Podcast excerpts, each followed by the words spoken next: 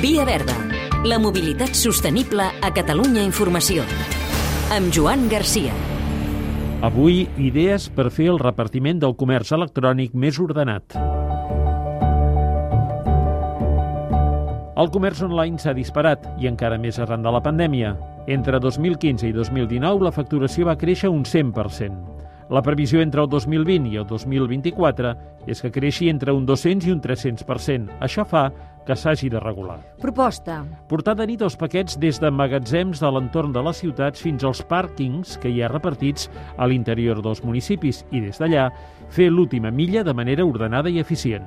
Salvador Alemany, president de Saba Infraestructures. Logística nocturna per entrar des de les zones logístiques de l'entorn entrar-ho a la ciutat. Els pàrquings poden servir eh, perfectament per fer aquest paper que estan distribuïts en tot l'àmbit demogràfic de la ciutat i a partir d'aquí repartiment regulat i ordenat, eficient, no que t'entrin a, a la comunitat de propietaris 15 persones diàries a repartir cada un una cosa petita i que són tot desconeguts, amb la qual ens creen un cert desconcert, sinó ordenar la distribució de manera que hi hagi uns horaris, de manera que, que s'avinguin, de manera que coneixem el repartidor i, i de manera que es desplaci amb un mitjà sostenible. Proposta. Aprofitar les estacions de tren per entrar mercaderies a les ciutats en hores vall i dipositar-les en grans armaris on el client les pugui recollir. Ricard Font, president de Ferrocarrils de la Generalitat. No a la nit, en hores no punta. Entrem aquesta mercaderia des de l'entorn de les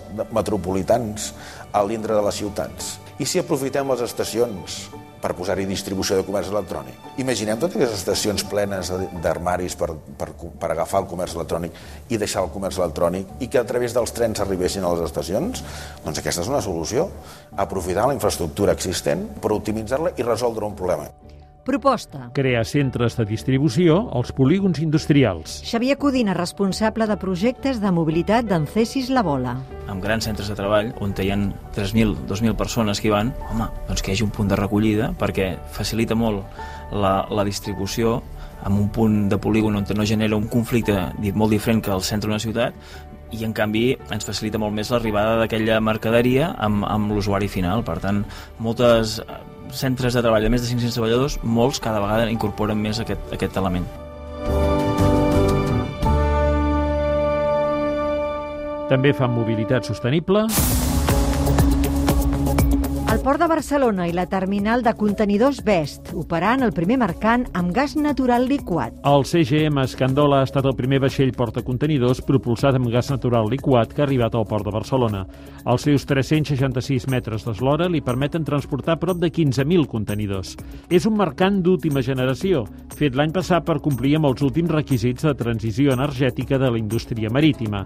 Pel que fa a la terminal Best, o Moll Prat, està preparada per acollir aquesta mena de vaixells i ara es disposa a ser la primera terminal de contenidors de l'Estat que tindrà el moll electrificat.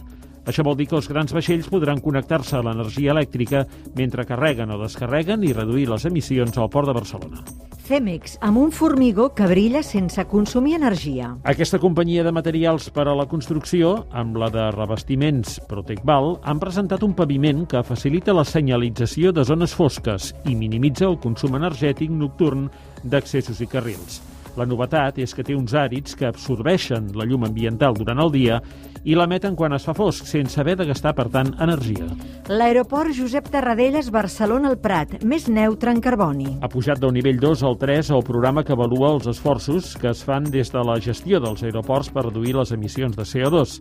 Aquesta millora en la qualificació reconeix que des del Prat, a més de tenir un programa propi de reducció d'emissions, s'involucra operadors externs a AENA que treballen a l'aeroport de Barcelona i també s'avaluen les emissions que fan. Hem de tendir a... Controlar la contaminació acústica. El trànsit produeix el 80% del soroll ambiental a algunes zones urbanes.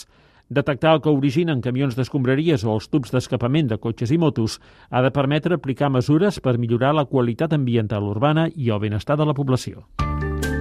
Via Verda, disponible al podcast i a catradio.cat.